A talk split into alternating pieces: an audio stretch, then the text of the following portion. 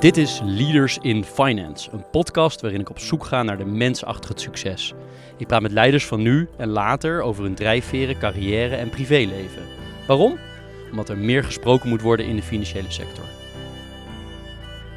Leaders in Finance wordt mede mogelijk gemaakt door Interim Valley, FG Lawyers en Biscuit. Welkom bij een nieuwe aflevering van Leaders in Finance. Deze week een niet-reguliere aflevering, namelijk een aflevering over een boek. Het boek is De Staatsbank van Ivo Bukkerink en Pieter Kouwenberg. Het is een boek over ABN AMRO tussen ongeveer 2007 en heden. Over verstoorde relaties, over ruzies, over cultuurproblemen en uitdagingen. De relatie met de staat uiteraard, de beursgang, over incidenten en individuen en over de kwaliteiten van die individuen. En ook over hun manco's, over Gerrit Salm, over Dijsselbloem, Paulus de Wild, Vogelzang, Olga Zoutendijk, Wietse Reehoorn, om er maar een paar te noemen. Over strategische plannen en de non-uitvoering daarvan, soms ook de uitvoering daarvan. Over de inval door de Fiat, die nog in de epiloog aan bod komt. Kortom, een ontzettend breed boek over de periode van deze bank in de samenleving. Ik vond het heel interessant om te lezen. Ook knap hoe je over toch, zou je kunnen zeggen, een relatief droog onderwerp, toch zo'n boek kan schrijven wat zo makkelijk leest. Um, en ik zag de afgelopen maanden zo vaak dit boek ergens liggen, tot uh, op het strand aan toe uh, van Terschelling deze zomer, dat ik dacht, ik wil heel graag met Ivo Bukkerink en Pieter Kouwenberg in gesprek. En zij zijn daarmee akkoord gegaan, waarvoor dank. Uh, welkom bij Leaders in Finance. Dankjewel. Dankjewel. Um, een hele simpele vraag, misschien Ivo, waarom dit boek? Ja, wij, wij schreven als journalisten voor het Financiële Dagblad al, al jaren over ABN AMRO. En dat culmineerde op een gegeven moment in een heel groot artikel over uh, de val van de president-commissaris Olga Zoutendijk en hoe dat zo was gekomen. En uh, daarna hoorden we eigenlijk van mensen die het kunnen weten dat er eigenlijk nog veel meer aan de hand was daar. Intern spraken mensen elkaar aan op, goh, eigenlijk is het hier net de prooi deel 2. En op een gegeven moment hebben we het eens met de hoofdredacteur, toenmalig hoofdredacteur van het FD erover gehad, Jan Bonjer. En die zei, je, moet gewoon dat boek gaan schrijven. En uh, nou ja, de, de prooi, ik noemde het net al, uh, het boek van Jeroen Smit, dat was er. Dat liep tot uh, 2008. Hij heeft nog in een klein nawoord nog eventjes de, de, de koop door het consortium behandeld. Dus toen wij eenmaal besloten van, nou, dat boek moet maar komen. En we gaan daar ook een jaar vrij voor krijgen van het, van het FD. Dan moeten we het gewoon daar in de tijd oppikken. En dan moeten we gewoon gaan kijken, wat is er nou eigenlijk met die bank gebeurd? Na de koop door het consortium, schuine streep, de nationalisatie in 2008. Dat is een mooi bruggetje naar wat ik wilde vragen, uh, misschien aan jou Pieter. Dat een krant je zoveel tijd geeft om dit te doen, is dat uitzonderlijk of komt dat vaker voor? Um, bij ons is het in ieder geval redelijk uitzonderlijk. Het is, meen ik, één keer eerder gedaan bij de vastgoedfraude van twee collega's van ons. Um, ja, verder. Ik denk dat de hoofdredacteur het heel belangrijk vond. Eén, dat het Boeker kwam. Dat hij ook uit zeg maar, het circuit veel mensen hoorden van um, wij willen meer, daar moet een boek van komen. En twee, het, het is natuurlijk ook heel inspirerend voor de collega's hier, onze collega's, dat, dat het FD uh, die kans geeft. Want het is natuurlijk fantastisch om te mogen doen. Jullie hebben ongelooflijk veel uh, mensen gesproken hiervoor. Dat deden jullie al natuurlijk omdat jullie de bank al echt al echte ABN AMRO watchers waren. Uh, jullie hebben het over 120 mensen. Hoe makkelijk was het om deze mensen te spreken, te krijgen? En hoe makkelijk was het om hen dit allemaal te laten vertellen? Het gaat nooit vanzelf. Um, wat helpt is dat mensen uh, in het begin zijn mensen een beetje wantrouwend en terughoudend van ja, ja, ja, ja. Ze zeggen dat ze um, een boek gaan schrijven, maar gaan ze de informatie niet toch gebruiken voor de krant. En toen ze zagen dat wij echt niet voor de krant schreven, dat we ook dingen, gebeurtenissen bij ABN AMRO lieten lopen, uh, dus uh, echt weg waren en aan onze vraagstelling ook merkten van hé, hey, die jongens die, die, uh, die gaan er echt nu voor zitten. Die gaan niet voor het snellere verhaal. Maar die, die, die gaan ook echt onderzoek doen. Dan, uh, dan, dan zijn ze in ieder geval genegen om je te ontvangen. Uh, ja, en dan is, het, dan is het werk aan die relatie. Um, zodat ze meer gaan vertellen. Maar dat is, uh, dat is hard werken. Waren er key personen waarvan jullie zeiden, die hadden we eigenlijk wel echt, echt willen spreken, maar is niet gelukt? We zeggen eigenlijk altijd hetzelfde hierover. Maar we mogen niet zeggen met wie we hebben gesproken, want het waren allemaal achtergrondgesprekken. Maar we, waren echt, uh, ja, het was gewoon echt boven alle verwachtingen. Um, dus nou, eigenlijk moet ik die vraag gewoon met nee beantwoorden. Volgens mij hebben we een, redelijk compleet plaatje kunnen schetsen. Um, en nog even aanhaken bij wat Pieter zei. Soms is het gewoon heel, heel erg in het belang van iemand hè, om zijn verhaal te doen. Um, je moet gewoon per persoon kijken van wat de beste manier is om zo iemand uh, uh, te behandelen. En, uh, en dat hebben we denk ik gedaan. en daar hadden we het voordeel dat we veel mensen gewoon al kenden, omdat we al zo lang over die bank schreven. En wat dan helpt is, op een gegeven moment gaat het zich rond, ja. rondzingen van hey, weten jullie dat die twee jongens met een boek bezig zijn? Ja, en dan, dan moet je op een gegeven moment kiezen. Doe ik mee? Um, of, uh, en, of doe ik niet mee? Dan loop ik het risico dat ik uh, dingen in het boek tegenkom waar ik niet zo blij mee ben. Dat mijn rol, rol onderbelicht blijft. Dat ehm, anderen met de eer gaan strijken van iets wat ik heb gedaan. Ja, en dan, dan merk je dat, dat mensen dan toch komen. Zeker. Zeker in het geval van een boek. Dat ze toch uh, voor, uh, voor de geschiedenis, de ja. geschiedschrijving. Dit, dit kafje, dat, dat komt in bibliotheken, dat komt overal. Dan wil je wel zeker stellen dat, dat jouw bijdrage goed in beschreven wordt. En Ivo, je had het al even over uh, De Prooi, de, de, het, het, boek voor jullie. Um, was dat destijds ook de grote inspiratiebron? En B, uh, hebben jullie Roest ook gesproken daarover? Uh, inspiratiebron, weet ik niet of dat het goede woord is. Ik vond wel dat hij als eerste in Nederland eigenlijk dit genre op die manier op de kaart heeft gezet. Dus alle respect daarvoor. Het is een uitputtende beschrijving van wat er allemaal in die periode is, is gebeurd. Echt volgens mij een, een redelijk compleet beeld. Het heeft het ook fantastisch verkocht. Het, ook, ook, ook, mensen waarvan je het niet verwacht, die, die, die kochten dat en lazen het en hadden er een mening over. Dus het was niet zozeer een inspiratiebron, maar het was er wel. Ehm, en het was ook wel iets waar we rekening mee moesten houden, vond ik. in de zin dat we niet hetzelfde moesten gaan doen zoals hij het heeft gedaan. Uh, maar ik vond, we vonden wel belangrijk dat het in de periode aan moest sluiten. We zagen het wel als een belangrijke geschiedschrijving van een periode uh, van ABN AMRO. En het was heel logisch dat wij daar dan op zouden aansluiten in de, in de tijd.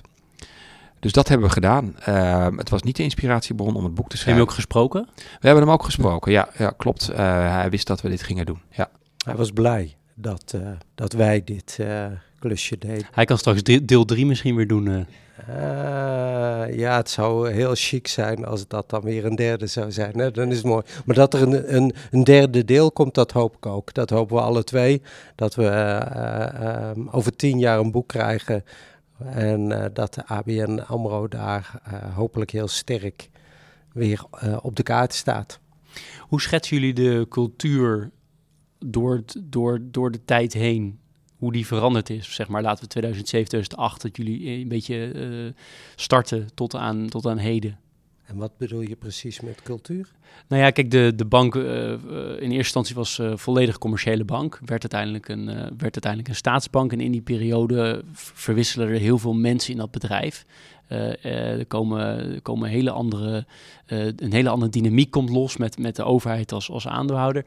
Puur de, cultuur in die bank. Wat, wat hebben jullie aangetroffen en is, hoe erg is het nou veranderd? Nou, aan de ene kant is de indruk dat die cultuur eigenlijk nog steeds heel ABN AMRO is gebleven. Uh, tamelijk corporale cultuur. Daar, aan het eind heeft de ECB daar ook nog een onderzoek naar gedaan en geconstateerd dat mensen, zeker in de, in de top 100, toch vooral met hun eigen positie, hun eigen status bezig was. Ik zou zeggen, dat is dan de constante.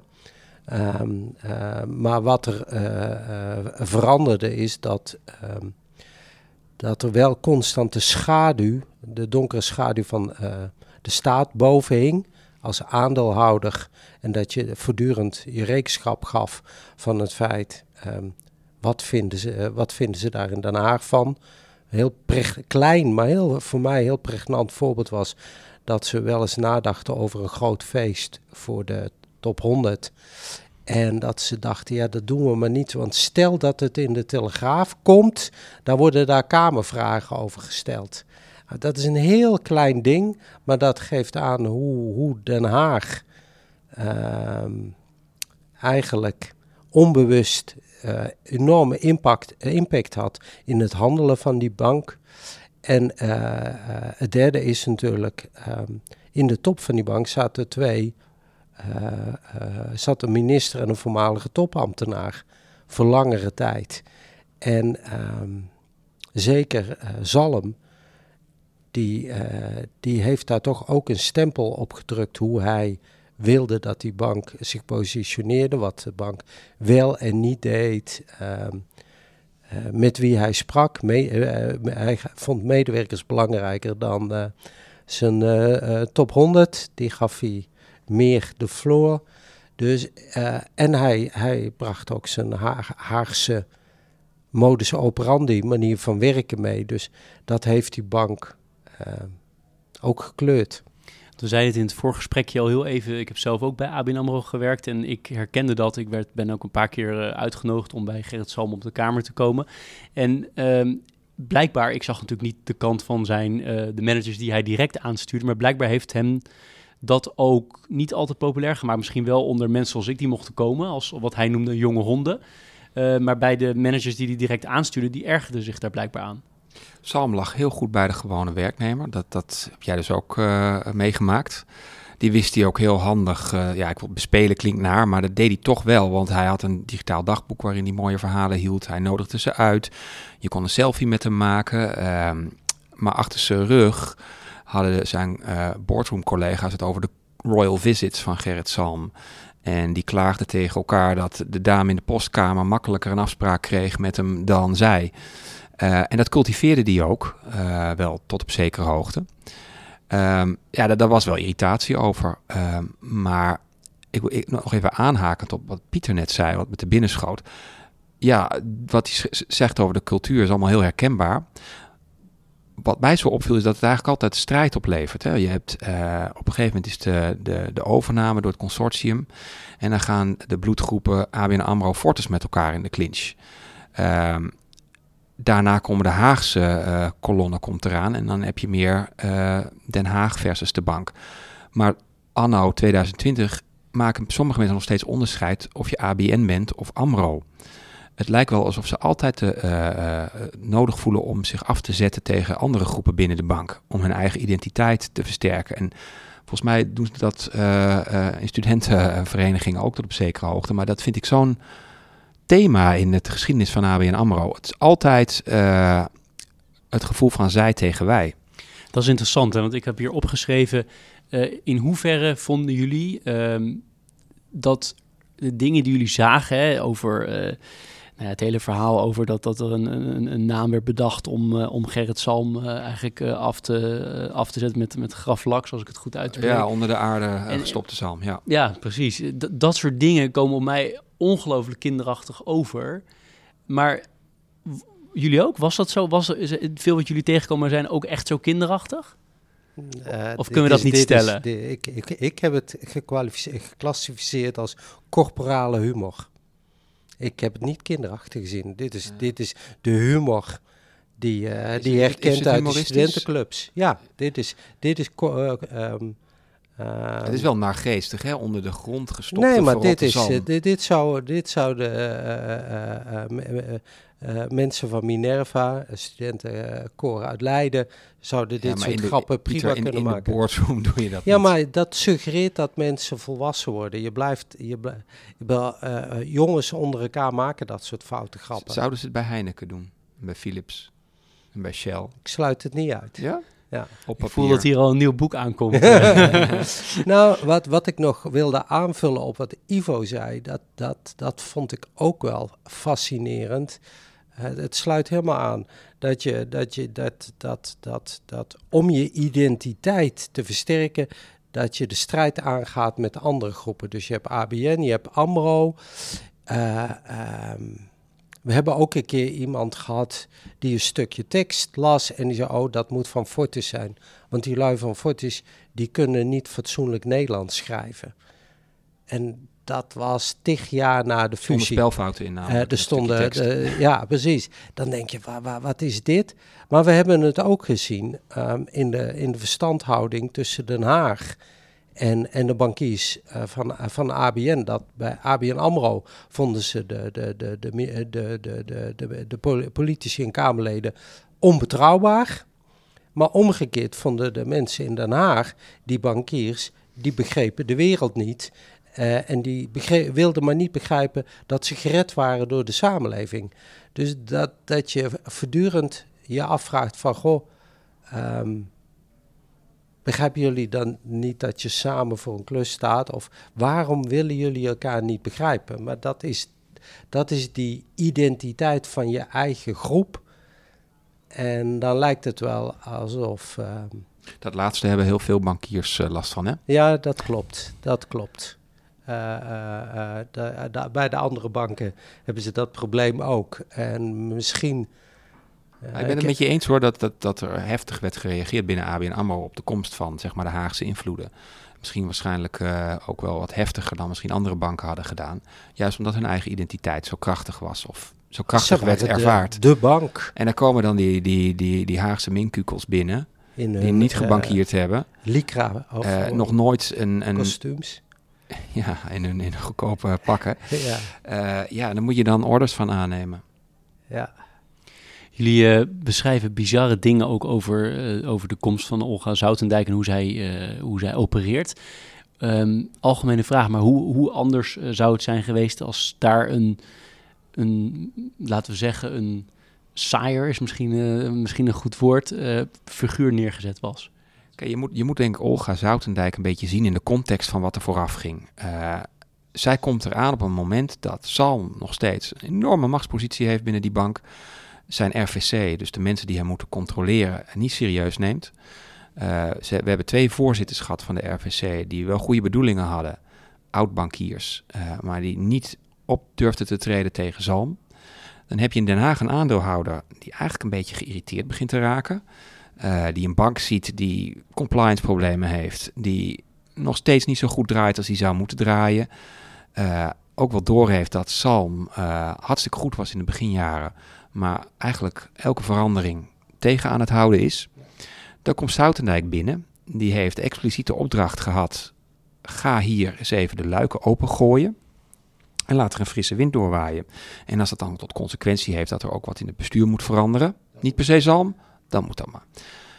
Alleen, uh, dan krijg je iemand die de ramen niet alleen opengooit, maar echt, ze breekt ze gewoon echt uit de sponningen. Um, ze gaat er echt keihard in. Zij komt uit Australië. Ze heeft een hele andere referentiekader dan, dan de mannen die voor haar in de RVC zaten. Maar ook dan de RVB, dus Salm en zijn, uh, zijn team.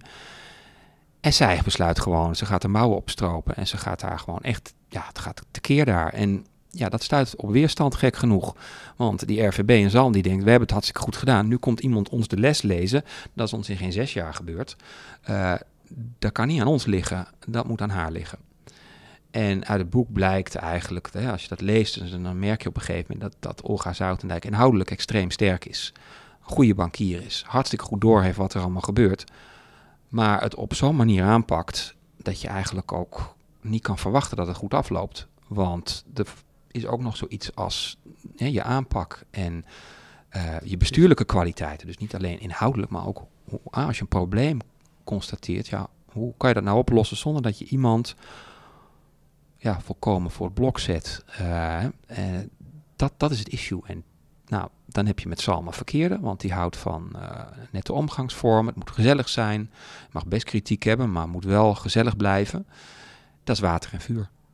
En wat, wat, daar, wat daar nog bij komt, als ik maar aanvullen, is, is het is uh, heel interessant om te zien. Zij komt inderdaad binnen, luiken opengooien. En wat zegt de raad van bestuur over haar? Wie is zij dat zij onze les leest? Ze heeft nog nooit in het bestuur van een eh, organisatie gezeten. Dat is eigenlijk raar, want als, daarmee zeggen ze niks over haar inhoudelijk commentaar. Ze zeggen alleen, uh, ze is geen equal van ons, dus we hoeven ook niet naar haar te luisteren. Oh, en trouwens, ze is uit op het baantje van Gerrit Salm. Ja. Dus dan hoef je haar niet serieus te nemen. Dat was de, de reactie. En dat dan um, um, iemand die, oké, overtuigd is dat ze gelijk heeft, dat, er, uh, dat het niet goed gaat bij en de dat heel onbehouden kan. Uh, en dat onbehouden. En als ze dan weerstand krijgt van mensen die zeggen: Ik hoef niet naar jou te luisteren. Ja, dan gaat dat polariseren. Zeggen jullie eigenlijk uh, dat zij nog, daar nog, nog, nog sterker misschien te werk is gegaan? Nog krachtiger? Heeft ingezet op wat ze al eigenlijk al wilde door, door die omgeving? Ik denk wel dat het haar overtuigd heeft van haar gelijk. Ja, ja. Dat ze die weerstand voelde. Ja, dat, dat, dat heeft haar zeker van overtuigd dat zij gelijk had. Het heeft ja. haar misschien nog verbeterder gemaakt ja. om van zie je wel, ze willen het niet horen, ze willen het niet weten. Des te meer reden om daar echt uh, schoon schip te maken. En de rol van de overheid richting uh, deze twee mensen, kunnen die nog, nog kort beschrijven? Hoe zij omgegaan zijn met het feit dat daar ruzie ontstond? Dat vonden ze in eerste instantie helemaal niet zo erg. Want uh, op dat moment had je dus minister Jeroen Dijsselbloem van Financiën, die verantwoordelijk was voor ABN AMRO. Die had een stevige mening over ABN AMRO. Heeft het niet zo op bankiers. Wilde ABN AMRO snel privatiseren, uh, maar wilde het ook professionaliseren. Wilde dat er wat gedaan werd aan de compliance issues. Dat er een duidelijke strategie kwam. Verversing van de top. Meer oog voor uh, wat er in de buitenwereld leefde. Zoutendijk was zijn instrument om dat voor elkaar te krijgen dat, en voor, voor, dat geldt voor financiën, maar ook voor de toezichthouder, dat het dan een beetje gaat uh, knetteren. Dat, uh, dat snapte men wel. Ja. Alleen, het, het, liep veel te veel uit de hand. Dat was niet de bedoeling. Want er ontstond echt een strijd. Want Salm verzette zich en uh, zijn RVB ook. En het zijpelde door tot de hele top en de hele middenkader. Tot aan de gewone werknemers aan toe. Dat was nooit de bedoeling. En wat ehm, daarop aanvullend, wat haar denk ik ook niet heeft geholpen is, um, Dijsselbloem snapte dat het knetterde, um, was er niet happy mee hoe dat uiteindelijk afliep. Maar goed, het belangrijkste is, um, Zalm maakte plaats, er kwam een ander. Maar het knetteren uh, was tijdelijk uh, uh, gestopt, maar na een half jaar begon het knetteren weer. En dat was nou niet de bedoeling. En ja, dan gaat het uh, van kwaad tot erg. En dan, dan moet je keuze maken. Ja. Wat ga je doen? Ga je kiezen voor, in dit geval het bestuur of voor de commissaris? Nou, vertel verder. Nou, Olga Zoutendijk werkt niet meer bij ABN AMRO, al twee jaar niet meer. Uh, en ze heeft haar termijn wel volgemaakt, maar uh, niet daadwerkelijk fysiek op de bank gezeten die hele termijn. Zij is op een gegeven moment uh, door haar medecommissarissen eigenlijk uh, voor het blok gezet dat zij moest, uh, de eer aan zichzelf moest houden. Want uh, Kees van Dijkhuizen, toen CEO, wilde niet meer met haar samenwerken, weigerde dat categorisch. Daarmee stelde hij de RVC dus voor het blok. Uh, het werd gewoon Van Dijkhuizen of Zoutendijk. En de RVC heeft de afweging gemaakt, als zij voor Van Dijkhuizen zou zijn gegaan, dan hadden ze echt wat uit te leggen aan de minister. Dus ze kozen voor Zoutendijk. Dus die, die moest weg. En daarna is dus de ECB en de EB zijn binnengekomen en hebben onderzoek gedaan naar uh, ja, wat er nou eigenlijk aan de hand was en hoe het zover heeft kunnen komen. Algemene vraag, is misschien wat theoretisch, maar ik vind het zelf wel interessant. Je hebt, als je dit leest, hè, heb je, ik in ieder geval steeds het idee van het gaat aan de ene kant over individuen, aan de andere kant over cultuur en structuur. Hè? Dus eigenlijk individuen, cultuur en structuur. Waar op wel van, welke van die drie is wat jullie betreft de belangrijkste driver van de, de alle issues die, die jullie beschrijven? Ja, in de... Individuen bepalen de cultuur. Ja. En uh, de structuur bepaalt niet de cultuur. En cultuur is alles. Dus het zijn de, daarom hebben we het op deze manier opgeschreven. Het zijn uiteindelijk, dat zie je heel duidelijk, het zijn de individuen die de sfeer verpesten of juist het gezellig maken, zoals in de beginjaren van Zalm. Um, en de structuur, of je nou een one-tier board hebt of een two-tier board in de RVC. Of staatseigendom of niet? Staatseigendom, uh, dat had hier wel invloed, omdat je dus uh, al die, uh, je kreeg ambtenaren in de top en die keken heel anders naar de bank dan de bankiers en dat zorgde voor strubbelingen. en Den Haag had ook zijn eigen agenda, dus dat had zeker wel invloed. Een heel concreet voorbeeld is bijvoorbeeld een overname die ABN AMRO wil doen in Azië om de private bank uit te bouwen. Daar heeft de staat een stokje voor gestoken. En daarmee waren de facto alle ambities van ABN AMRO om dat vlak internationaal nog iets voor te stellen eigenlijk uh, bij voorbaat kansloos. En ze hebben daar niet nadien ook gewoon dat helemaal uh, teruggebracht naar Europa. Dus ja, nee, zeker de staat had wel een invloed, maar als je, en ook wel op de cultuur. Maar uiteindelijk zijn het de individuen, denk ik, Pieter. Je moet me zo aanvullen. Het zijn de individuen die bepalen. In de beginjaren van Zalm ging het goed. En op een gegeven moment uh, ja, was het populair. En mensen hadden het idee dat de bank toch wel ergens naar op weg was. Ja, dat sloeg helemaal om na de beursgang. En toen zag je dat die, die gevechten binnen de top gewoon, vooral dat top- en middenkader, die wisten gewoon niet hoe ze het hadden. Maar die gingen ook hun bazen kopiëren. Dat zag je onder GroenLink ook. Uh, heb ik in de, prooi gelezen. Uh, maar dat, dat zag je bij ons dus ook. Uh, ze gingen gewoon, ze dachten het hoort zo. ze gingen het ook zo op die manier doen. En, en wat, wat natuurlijk zo, zowel iets zegt over de personen, de individuen, als over de invloed van die staat. Uh, kijk, in die, in die beginjaren uh, krijgt uh, Zalm heel veel de vrije hand om rust en stabiliteit te creëren. Hij was de vertegenwoordiger van de staat. De staat had vertrouwen in hem. Dat was heel prettig. Ehm, maar op een gegeven moment ehm, wil een bedrijf, een commercieel georiënteerd bedrijf, ehm, zijn volgende fase ingaan. Na drie, vier jaar is die integratie is uh, voltooid, of vrijwel voltooid. De systemen zijn weer opgebouwd. Dan wil je weer commercieel gaan denken. Um, als dan commissarissen willen gaan nadenken over, uh, over doorselecteren in de top, over toch eens een, een visie en een strategie neerleggen, doorontwikkelen, waar gaan we groeien. En dan gebeurt dat niet. En daar hangt dan de slagschaduw van de staat boven, waardoor um, president-commissarissen die uh, oude bankiers zijn, op leeftijd, niet meer de energie en de power hebben om door te pakken, ja, dan zie je gewoon dat de combinatie leidt tot, tot, tot stilstaand water, tot frustraties, opgekropte frustraties. En dan gaat het allemaal mis. Dus uiteindelijk zijn het is het de dynamiek tussen de personen, de karakters in dat omveld die bepalen wat er gebeurt. Nou, het doet geen zins verbazen dat er recent na uitkomst van het boek De Zakenbank uh, nou gesloten is, ik weet niet of dat het goede woord is, maar afgebouwd gaat worden. Dat voorspellen jullie eigenlijk, hè?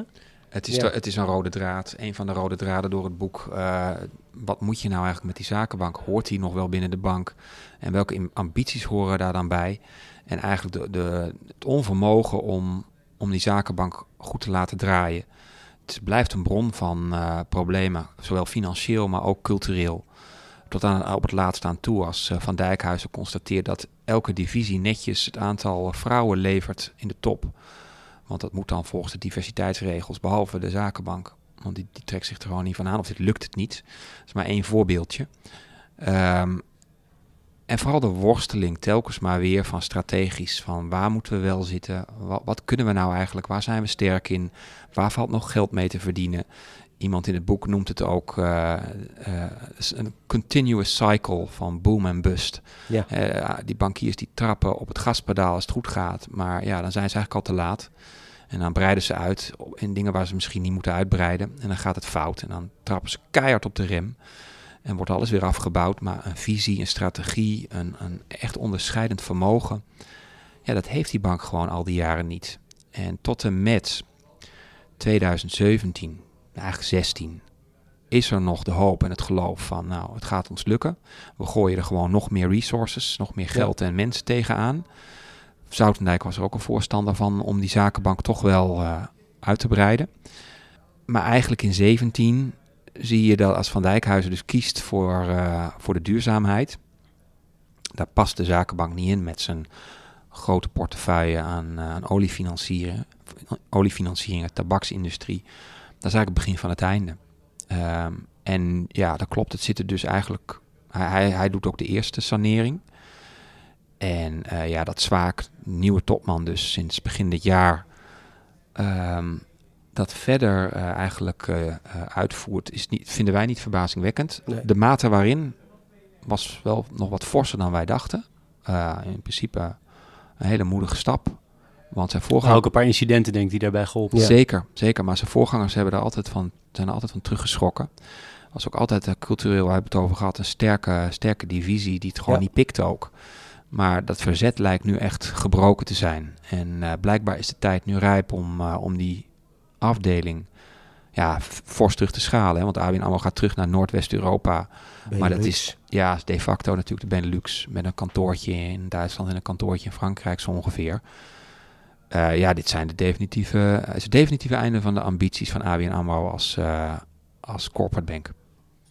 Wij dachten, wij bedachten vanochtend toen we even hier samen waren van eh, eh, dat corona ehm, dit onvermijdelijke besluit misschien nog wel geholpen heeft om het wat sterker te maken. Er kwamen natuurlijk die incidenten naar boven, maar ook het was een sterke afdeling eh, met hele uitgesproken mensen.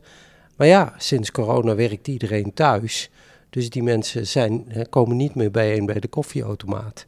Eh, dus eh, dat helpt misschien ook wel.